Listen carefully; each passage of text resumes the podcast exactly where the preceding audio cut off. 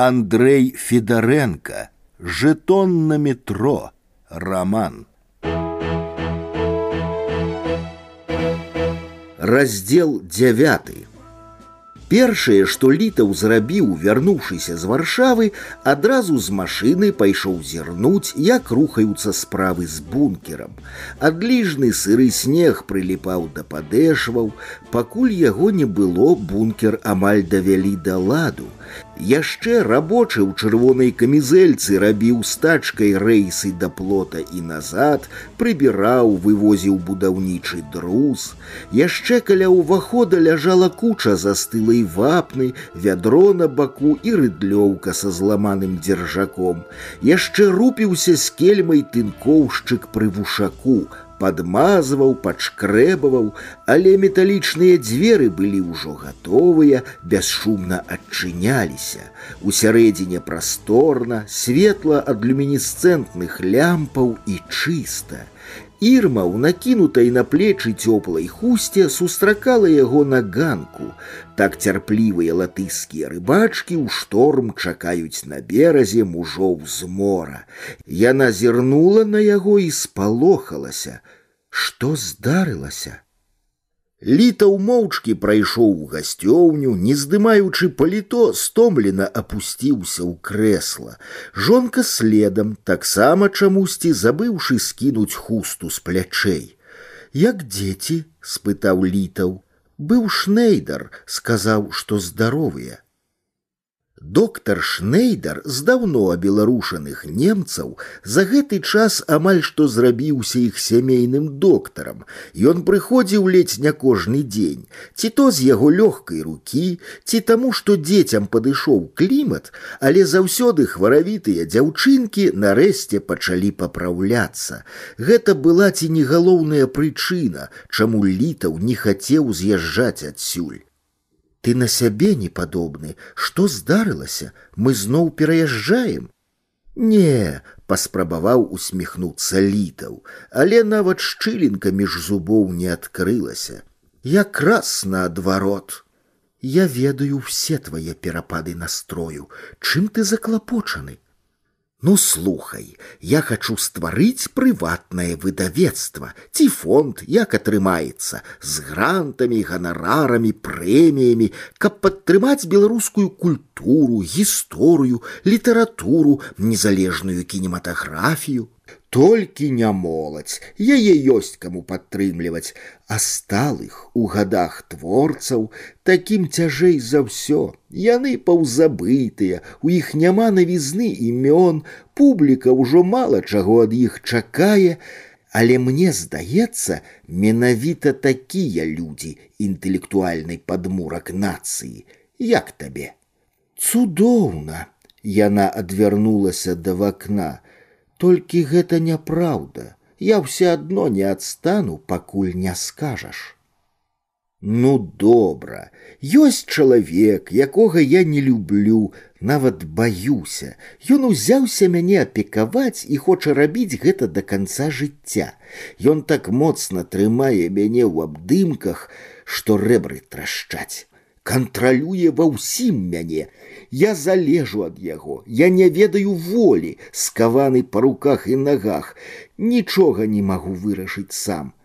Не разумею, як ён цябе трымае грашыма я гэтаму чалавеку многім да і можна сказаць усім абавязаны і ён карыстаецца гэтым на маё імя ў банку ляжыць сума але разумееш так атрымалася такая схема так хітра складзена дамова што я абмежаваны ў дзеяннях без яго ведама не магу ўзяць адтуль ні капейкі ён выдае мне крошкамі цыркае дозамі ў залежнасці ад настрою Ну і няхай дозы не такія і мізэрныя, нам якая розніца. А такая, што ён, калі не хлусіць, вядома, можа эміграваць, нават папрасіць палітычнага прытулку, і калі ён гэта зробіць, усё замарозіцца, усе актывы і пасівы, і ўжо не толькі я, а і ён не будзе мець у банк доступу, і мы станем жабракамі. І што, ніяк не расплытаць? Ніяк. Я ўжо зламаў галаву, думаючы так і сяк прыкідваючы, як гэты вузел разблытаць ці рассекчы адным махам.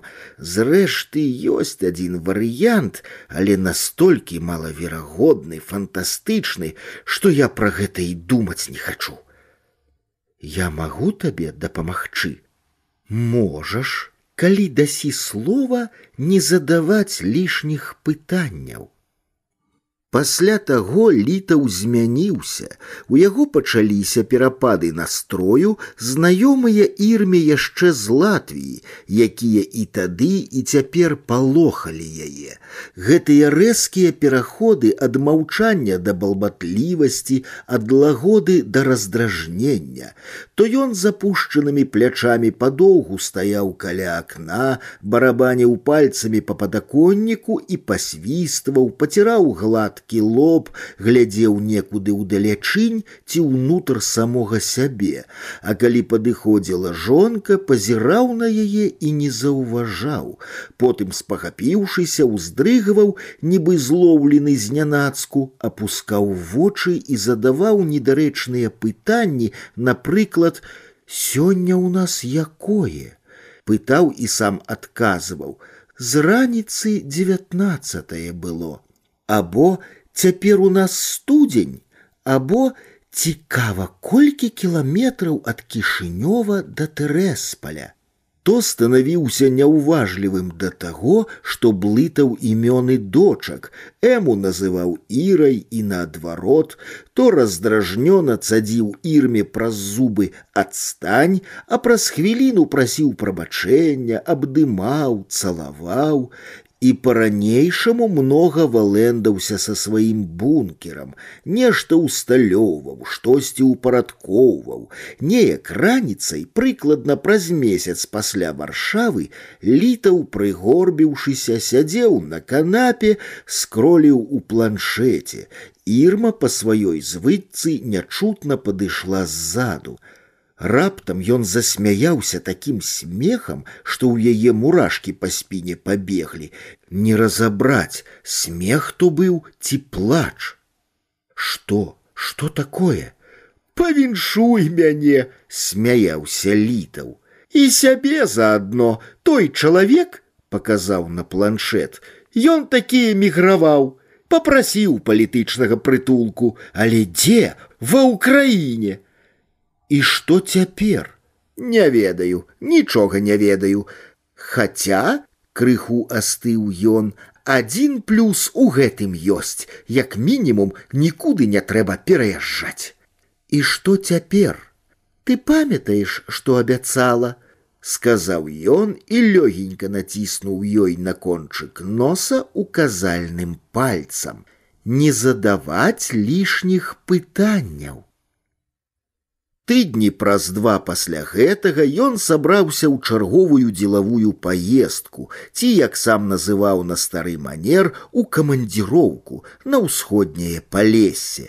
Мясцовы бізнесмен, нейкі вадзім асавец стварыў у мястэчку дрэваапрацоўчае прадпрыемства невялікае, але якое атрымлівала стабільны прыбытак і ўжо другі год пастаўляла прадукцыю ў Еўропу. У прыватнасці тэрасныя дошкі ў Англію і драўляныя дэкаратыўныя шырмы ў Германію. Акрамя таго, аказвала лясгасу паслугі па распрацоўцы дзялянак, за што атрымлівала лес кругляк. Вось гэтым лесам кругляком і зацікавілася кампанія літава.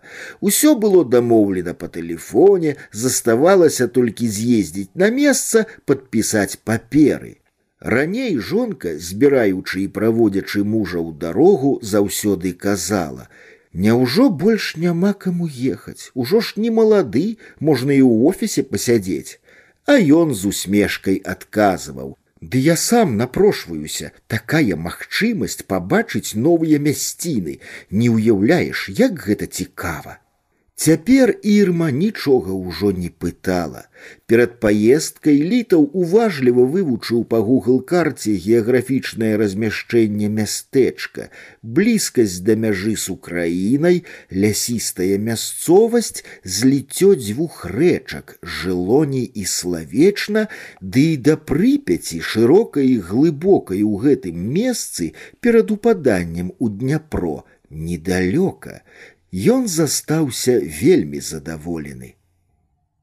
Ехаць было каля пяці гадзін, стаяў пахмурны зімовы дзень, за акном проляталі белыя палі, шэра-белыя аднолькавыя плоцікі, праносіліся невялікія населеныя пункты, а вакол такіх гарадоў, як бабруйск, калінкавіч і мазыр былі аб'язныя.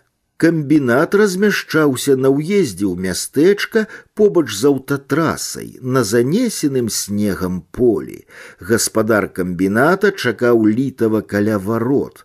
Літаў за сваё жыццё нямала нагледзеўся гэтых тартакоў, лесапільняў, дрэваапрацоўчых фабрык і камбінатаў, а таксама іх заўсёды заклапочаных дзелавых, як правіла адзетых па-простаму у зашмальцаваныя рабочыя спяцоўкі ці ў што пад руку гаспадароў. Таму быў прыемна здзіўлены ўжо адным толькі знешнім выглядам гэтага асаўца.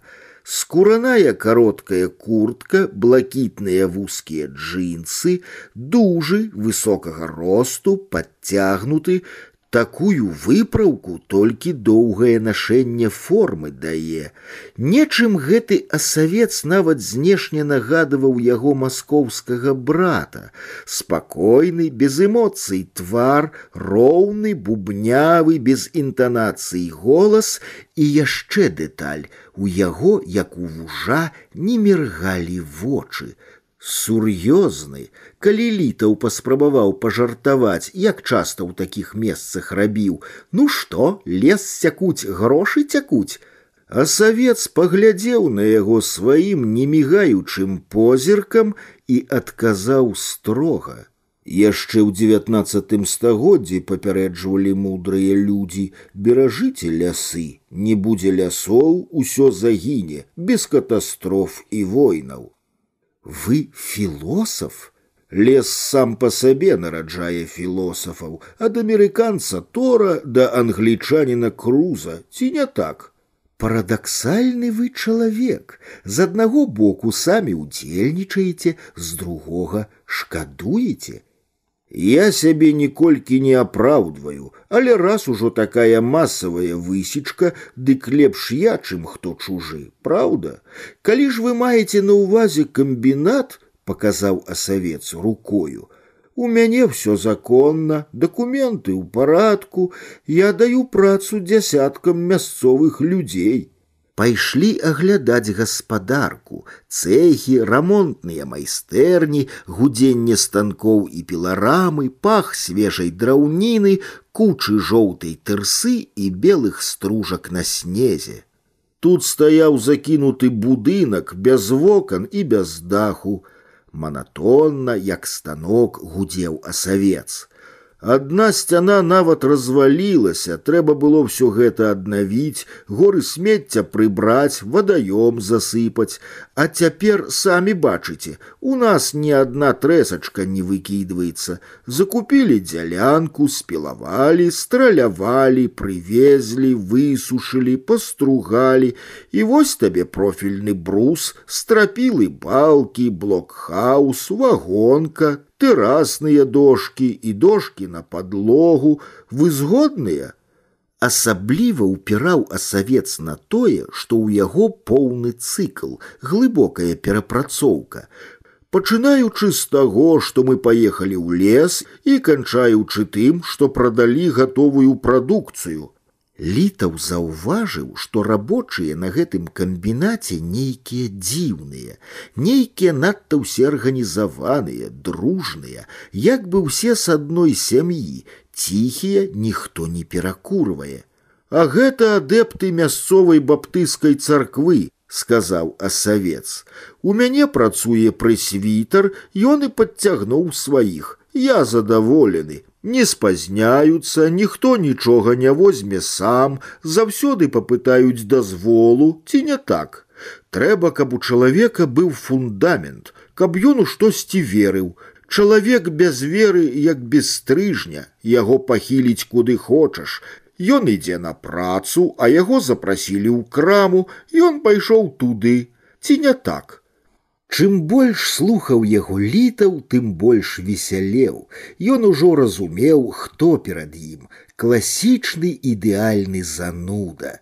Гэтая сур'ёзнасць, шчырасць, прыстойнасць, старамоднае праўдалюбства, гэтая запаволенасць рухаў, бубнення, канцылярская будова сказаў, гэтая звычка пад любую тэму падводзіць філасофскі ці лепш сказаць псеўдафіласофскі базіс. На любое, нават самае нязначнае пытанне даваць грунтоўны, разгорнуты поўны адказ. Гэтае частае перапытванне правільна, вы згодныя ці не так. І зноў само сабою напрошвалася параўнанне з маскоўскім братам, прычым цяпер літаў пераконваўся, што падобныя яны не толькі знешне, а і характарамі, з тою праўда розніцай, што ў асаўца абсалютна адсутнічала пачуццё гумару, як чамусьці ва ўсіх гэтых дамарослых філосафаў. Заглянулі ў дамок вартаўніка, складзены з бярвення, такімі захапляюцца ў інтэрнэт-супольнасцях аматары адзінокага адпачынку сярод дзікай прыроды. Усярэдзіне спальнае месца, тэлевізор, мікрахвалёвая печ, электрачайнік. Інтэрнэт нават ёсць, толькі слабы трафік, сувязь прападае, нават мабільны не заўсёды ловіць у гэтых балацянках. Як бы пахваліўся асавец, а мо таму, што мяжа побач. Вы так лічыце? Не магу сцвярджаць, але дапускаю, са мной падобнае было і не раз. Неўзабаве такія ў продаж пусцім. Вярнуўся ён да доміка. Тут нядаўна прыязджалі з Англіі, першай справай глядзелі бытоўкі. Іх цікавіць, дзе рабочыя абедаюць, пераапранаюцца, а потым ужо вырабы. Калі не спадабаецца побыт, яны нічога не купяць. Праўда ж? Дык то англічане, сказаў літаў, што да мяне прызнаюся шчыра, самае нецікавае дрэваапрацоўка. Не люблю гэтага шуму, паху, не кажу ўжо пра дзялянкі з харвестарамі і форвардерамі, нейкая няёмкасць у такіх месцах, нібыты сведка забойства. Дадаў ён, заўважыўшы, што размова пра экалогію закранае нейкую струну ў асаўцы. Увогуле не люблю, калі нешта памірае, хай сабе і маўклівыя дрэвы. Трэба ўлічваць, што ў свеце поўна сапраўдных забойстваў чалавека чалавекам. Да таго ж няма вялікай розніцы, што рабіць з мёртвым целам пасля таго, як адбылося забойства, ці не так. А тут паказаў асавец на заснежанае поле, хачу сквер пасадзіць. Скажыце, а як вам дазваляюць каля самай мяжы? спытаў літаў. Яму не цярпелася хутчэй перайсці да таго, што яго цікавіла, і ён толькі вычэкваў зручнага моманту. Дык а мяжы па сутнасці яшчэ няма, пакуль яна умоўная. Апошнім часам, праўда, пачалі прыбіваць дрот да дрэваў пасярод лесу, і то не калючы, а гладкі. Што вы кажаце? Гэта не хуткая справа, гадоў на дзесяць яшчэ працы. Мясціны цяжкапраходныя, вялізныя плошчы густога лесу, балот, разгалінаваная сетка мелерыятыўных каналаў, плюс больш за сто кіламетраў па чырнобыльскай зоне. І што, вось так лёгка можна прайсці? Прайсці, гмыкнуў асавец. Мяжа гэта не палоска на геаграфічнай карце. Ёсць жаданне можна і танк працягнуць. Вы хочаце сказаць, можна знайсці чалавека, які зматаўся б, напрыклад, у Кіеў на гадзіну і вярнуўся назад?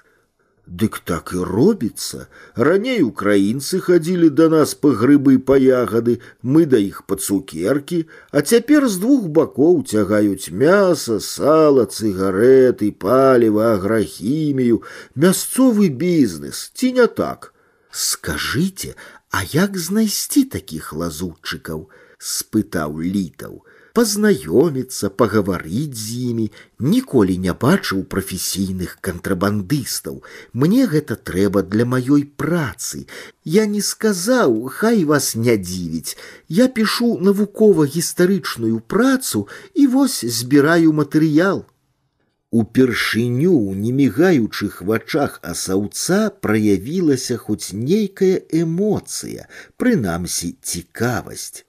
Вы творчы чалавек, ці то спытаў, ці то канстатаваў ён. Літаў схіліў галаву ў знак згоды. Зараз пачне расказваць сваю біяграфію, а скончыцца тым, што папросіць напісаць кнігу пра лясную прамысловасць, падумаў ён. Але асавец больш да гэтай тэмы не вяртаўся.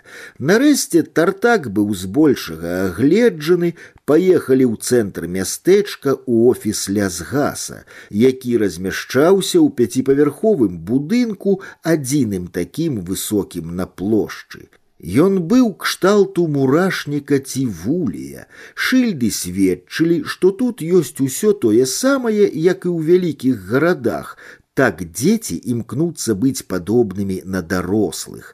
Гандлёвы цэнтр, рэстаран і кавярня бар, аптэка і оптыка, цырульня і стаматалогія, рэдакцыя раёнкі, банк. Старца адзін ганак вёў адразу ў дзве ўстановы, у аддзяленне пошты і аддзяленне міліцыі побач под таўсценным як баабаб дрэвам незразумелай пароды з абрэзанымі галінамі стаяў газетны кіёск і банкамат далей за імі будынак аўтастанцыі з паўкруглымі акенцамі касаў на ідэальна круглай плошчы з леніным у цэнтры ляпіліся адна каля адной штук дзесяць фур з беларускімі расійскімі украінскімі і еўрасаюзамі саюзаўскімі нумарамі. Жвавае мястэчка, азіраючыся, сказаў літаў. Міжнародная аўтатраса і чыгунка побач да овруча рукой падаць і да Кіева гадзіна язды. Я тут стаянку планую зрабіць для фур, а ў праекце пункт адпачынку для дальнабойшчыкаў будзе пакойчык, душ, так жа. У лясгасе хутка аформілі, узгаднілі, падпісалі патрэбныя паперы, выйшлі зноў на плошчу. Літаў з намёкам паказаў на вывеску рэстаранчыка, толькі цяпер звярнуўшы ўвагу на назву раздолье. Няўжо сапраўды рэстаран і вельмі някепскі. Зойдзем. Не атрымаецца, рамонт, працуе толькі бар. Вы не крыўдуйце, сказаў асавец, калі заходзілі ў бар, што да сябе не запрашаю. Мой дом моя халасцяцкая крэпасць.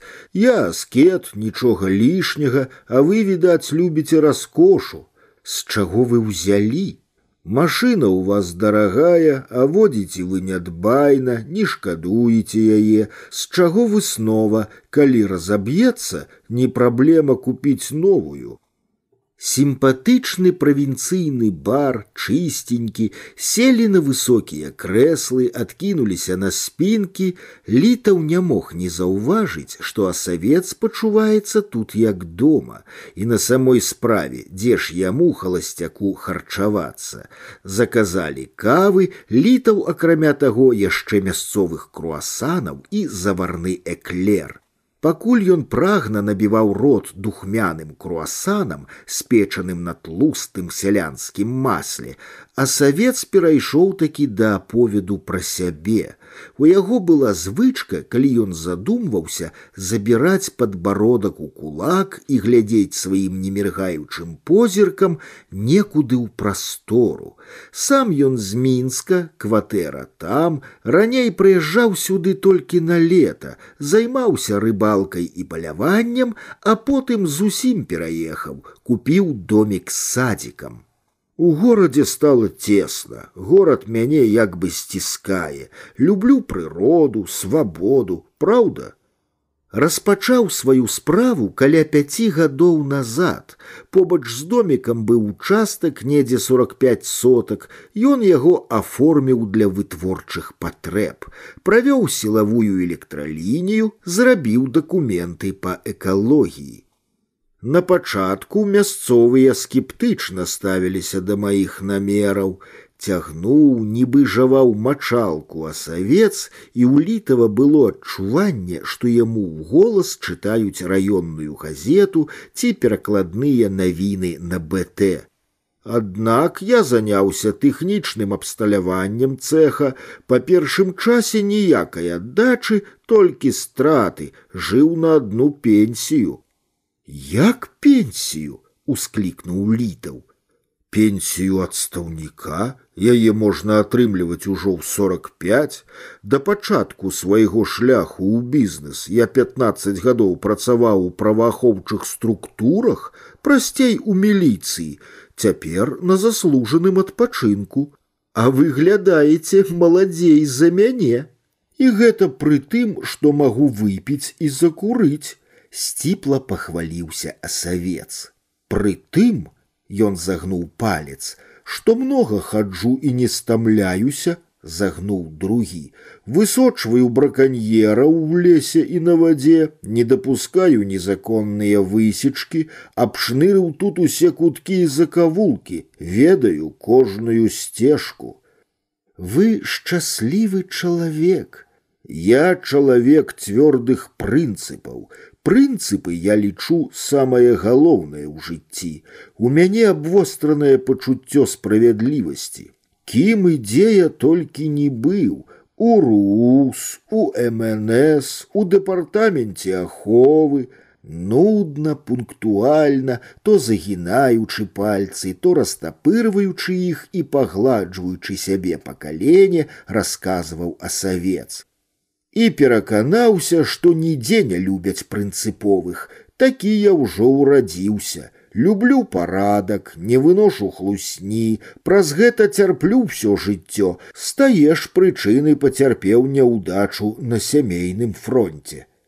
Скажыце, перабіў літаў, адно гэта толькі з-за бізнесу і з-за чароўнай прыроды вы сюды перабраліся. Не, не толькі каханне гулліва спытаў літаў і нават за панібрата падміргнуў бабылю, але той застаўся сур'ёзны. Угадалі, сказаў ён, нягожа чалавеку аднаму векаваць, надакучыла неўладкаванасць, пацягнула да сямейнай утульнасці. Ёсць у мяне на прыкмеце моя будучая другая палавінка, мясцовая ўдава. Нягоднік муж кінуў яе з маленькай дачкой, працуе ў раённай газеце тэхрэдам. Так атрымалася, што як толькі я ўбачыў яе, прыгожая, не тое слово, прыгожая, разумная, сціплая, такіх цяпер няма. Прынамсі ў мінску не сустрэнеш. Вось чакаем, пакуль яе дачка скончыць школу і тады афіцыйна аформім наш шлюбны саюз. Пасля утульнага святла, прыемных пахаў і гукаў кавярні плошча падалася непрыветнай, пахмурнай, туманнай. З нізкага неба цірушыўся нейкі ні снег, ні дождж, на тратуары ўжо стаялі калюжаны, а на газоне ўзбоч тратуара у вачавіткі асядаў рыхлы брудны снег а савет закурыў, дым ад цыгареты не развеяўся ў паветры, а застыў над ім, як воблачка ці німб. Рэдкія людзі раскрывалі парасоны, два хлопчыкі, абыякавыя да непагадзі і да ўсяго на свеце, з вялікімі, як гарбы заплечнікамі прайшлі, стуліўшыся галовамі, на хаду гледзячы ў адзін смартфон але трэці іхні таварыш, які затрымаўся каля газетнага кіёска і цяпер даганяў іх, будучы паэт, абег плошчу вачыма і нібы зрабіў імгненны здымак, які назаўсёды адаб'ецца ў памяці. Гэтая плошча ў тумане, тоўстае скалечанае дрэва, дальнабойныя фуры, джип і двое мужчын каля яго. Літа ўжо развітаўся, сеў у машыну, як раптам, нібы ўспомніўшы нешта, вярнуўся і спытаў, ці не паможа яму асавец падшукаць востраў не востраў, а па магчымасці больш-менш непралазны куток, пажадана акружаны вадой. Разумею, цяпер такое цяжка знайсці, але раптам вы паляўнейчы рыбак, ведаеце ўсё наваколле, і душа ў вас баліць за экалогію, уставіў літаў. Можна гэта? Усё можна ў межах чалавечага жыцця. Ёсць мясціны амаль не кранутыя цывілізацыяй. Праўда, цяпер зіма, самі бачыце, якая, цёплая, нікуды не ўлезеш, але вам, я так разумею, не гарыць, можна вясной. Літаў адказаў, што нават летам не гарыць, тым больш яму трэба час, каб вырашыць адну важнейшую справу, а потым яшчэ знайсці патрэбных людзей, вы падбіраеце да нечага людзей, зноў ці то спытаў, ці то сцвердзіў асавец, скіраваўшы літаву ў жывот указальны палец. Творчых людзей мякка ўдакладніў літаў і не за бясплатна. І вам я ў сваю чаргу аддзячу, магу я вам чым памагчы. А савец асцярожна патрэскаў далонь сухім кашлем курыльшчыка. Яшчэ як можаце, вы менавіта той, хто мне трэба. У мяне да вас таксама просьба ці хутчэй прапанова. Упэўнены, вас, як чалавека творчага, павінна гэта зацікавіць каб напісаў кнігу пра лясную прамысловасць. У думках дагаварыў за яго літаў, а ў голас паабяцаў: зраблю ўсё, што ў маіх сілах. На развітанне ён узяў з асаўца слова, што той улетку абавязкова пабывае ў яго ў гасцях. Поговорим, поп'ем гарбаты на тэрасе, доўга, па-маскоўску, у прыкуску, пазнаёміцеся з творчымі людзьмі, я бачу, вы сам чалавек творчы. З задавальненнем прымаю вашу прапанову.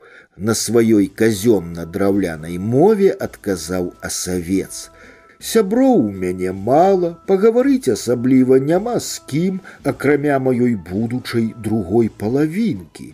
Мяне чамусьці лічаць чалавекам занудным, нецікавым, Хаця я, вы не памыліліся, ні чужы творчасці, з дзяцінства люблю чытаць, толькі ніколі не запамінаю аўтараў. Ці не так? Thank you